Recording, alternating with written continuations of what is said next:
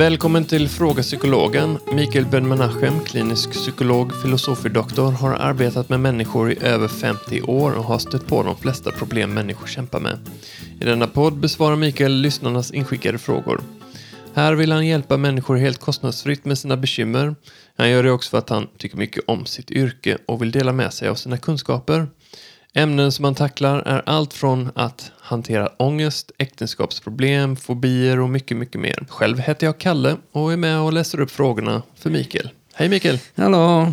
Så en av de ämnena som har väckt störst intresse bland lyssnarna det är ju ångest. Eh, och det är ett ämne man kan gräva i mycket, verkar det som. Eh, men vi har fått en fråga från Thomas som är 25 år.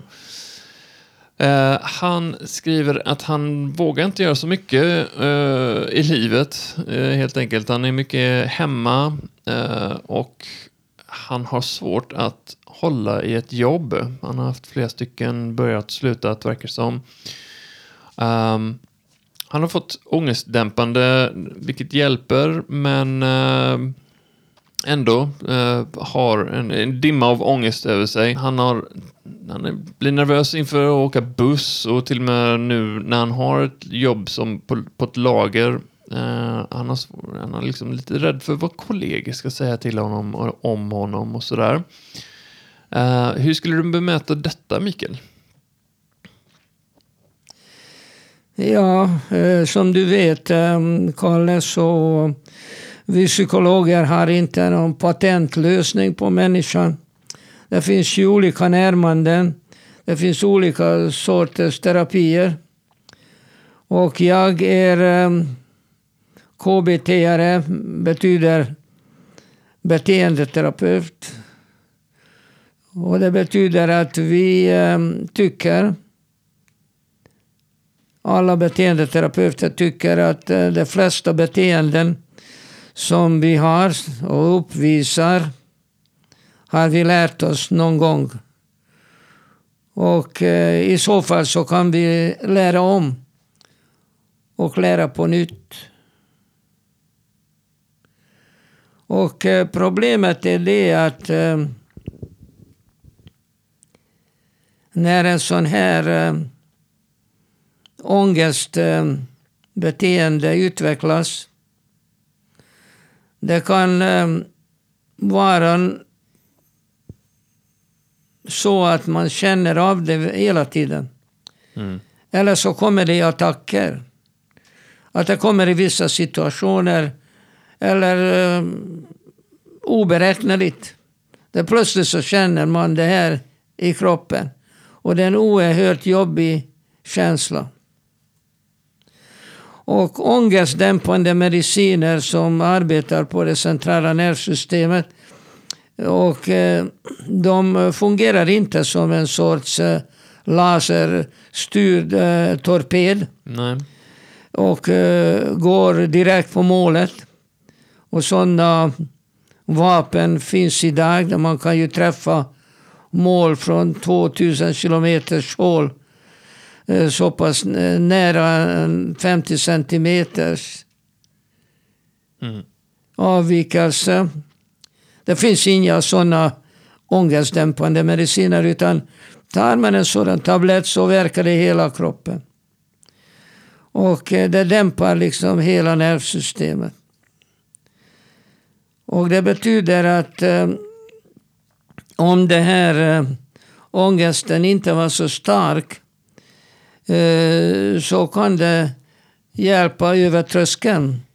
Och eh, att man ska då kunna gå till arbetet, fungera där, umgås med sina arbetskamrater, eh, umgås i vissa andra sociala situationer.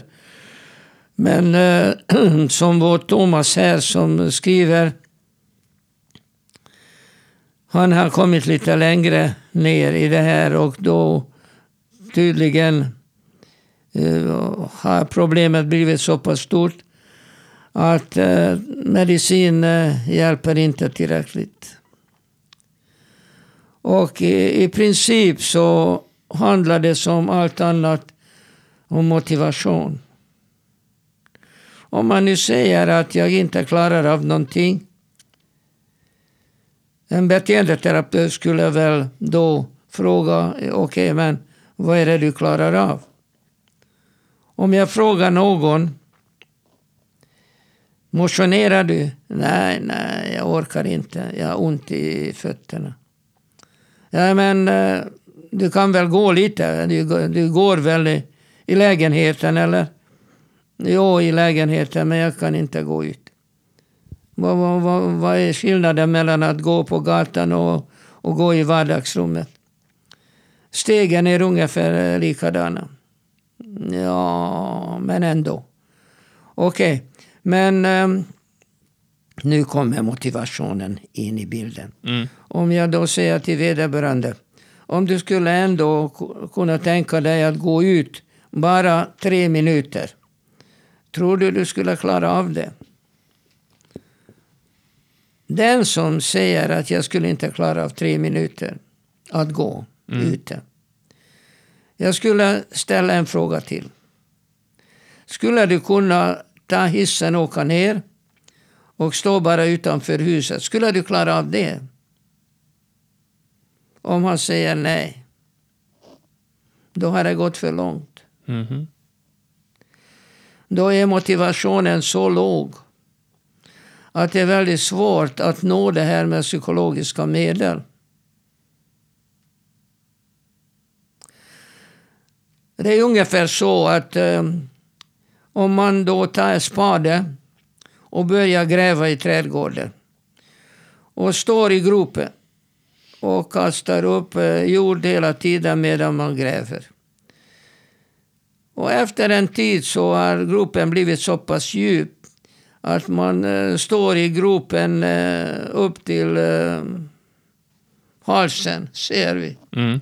Då kan man fortfarande se ut eh, och kolla vad som finns omkring i trädgården.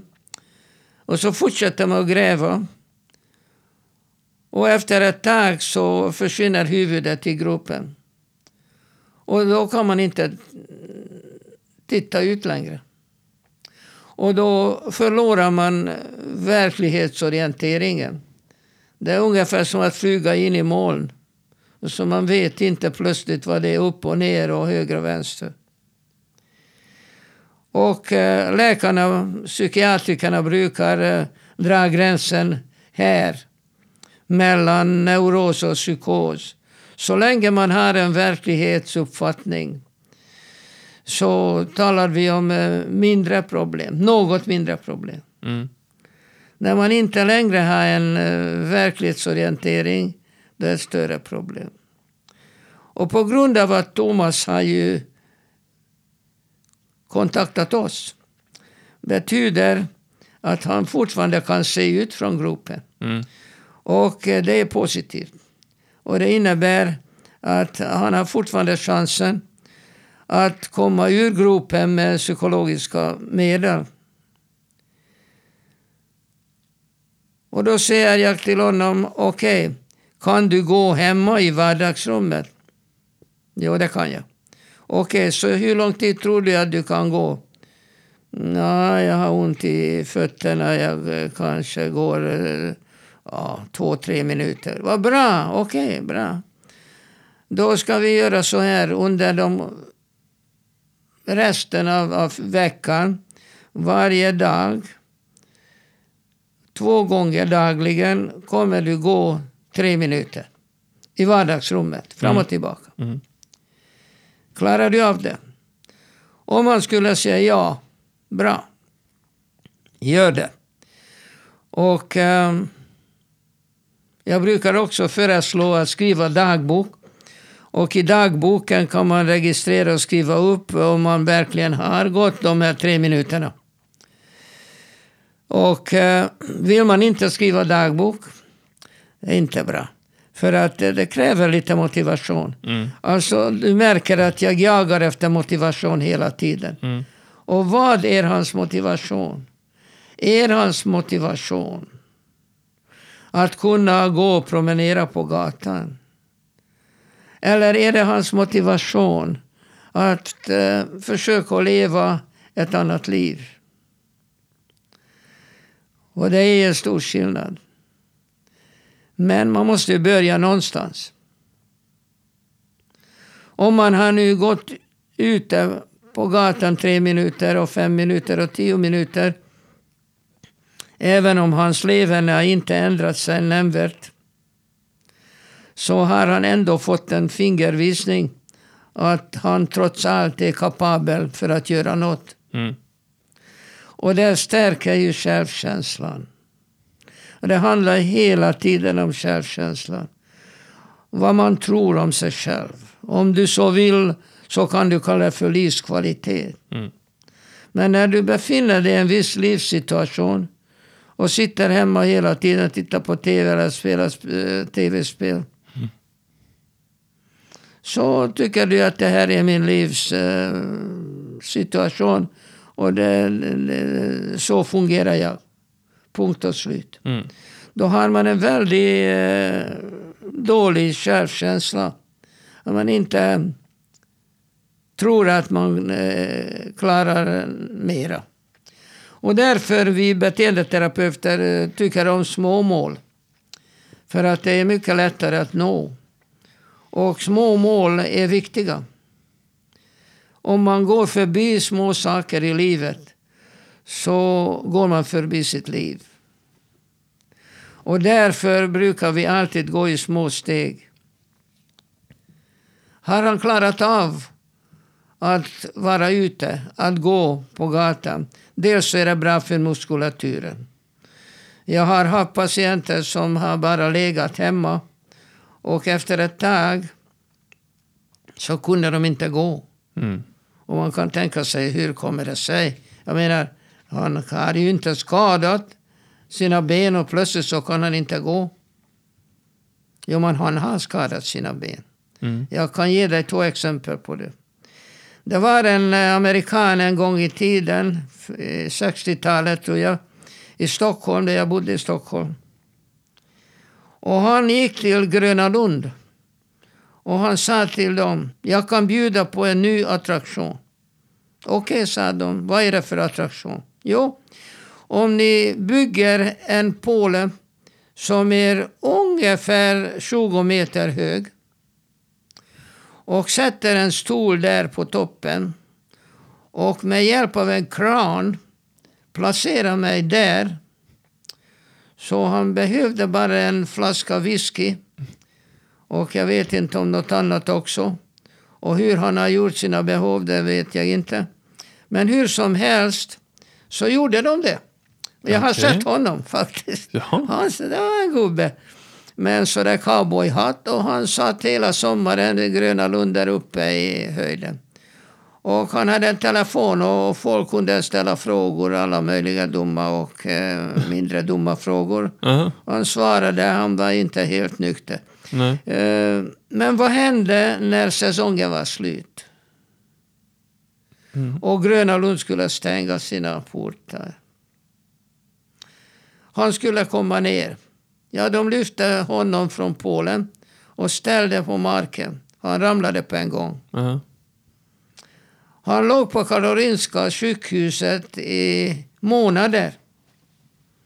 Hela hans muskulatur, alltså benen var förstörda. Och jag vet inte hur många operationer han fick gå igenom Gisses. Ja. tills han kunde gå. Ja. Någorlunda. Men ordentligt kunde han inte gå längre. Mm. Och jag har haft en patient som ville ta livet av sig. Och tog en hel massa tabletter. Och det var innan jag träffade honom. Och det tog två dygn bara. Tills någon av hans släktingar bankade på dörren. De visste att han var hemma men svarade inte på telefon. De blev oroliga. Mm. Så de med polisens hjälp bröt sig in. Och där låg han. Och de tog honom till sjukhuset på en gång. Samma historia. Mm. Det räckte med två dygn. För att på grund av eh, tabletterna så han fick mycket låg muskeltonus. Alltså musklerna fick inte arbeta. Mm. Mm. Och det räckte med två dygn att ligga på golvet. Ja. Att förstöra muskulaturen i benen. Så att en, en människa som bara ligger på soffan på hela dagarna den inte bara skadas psykologiskt, att hon tror att jag inte är kapabel för någonting, Mm. utan effektivt skadar sin muskulatur.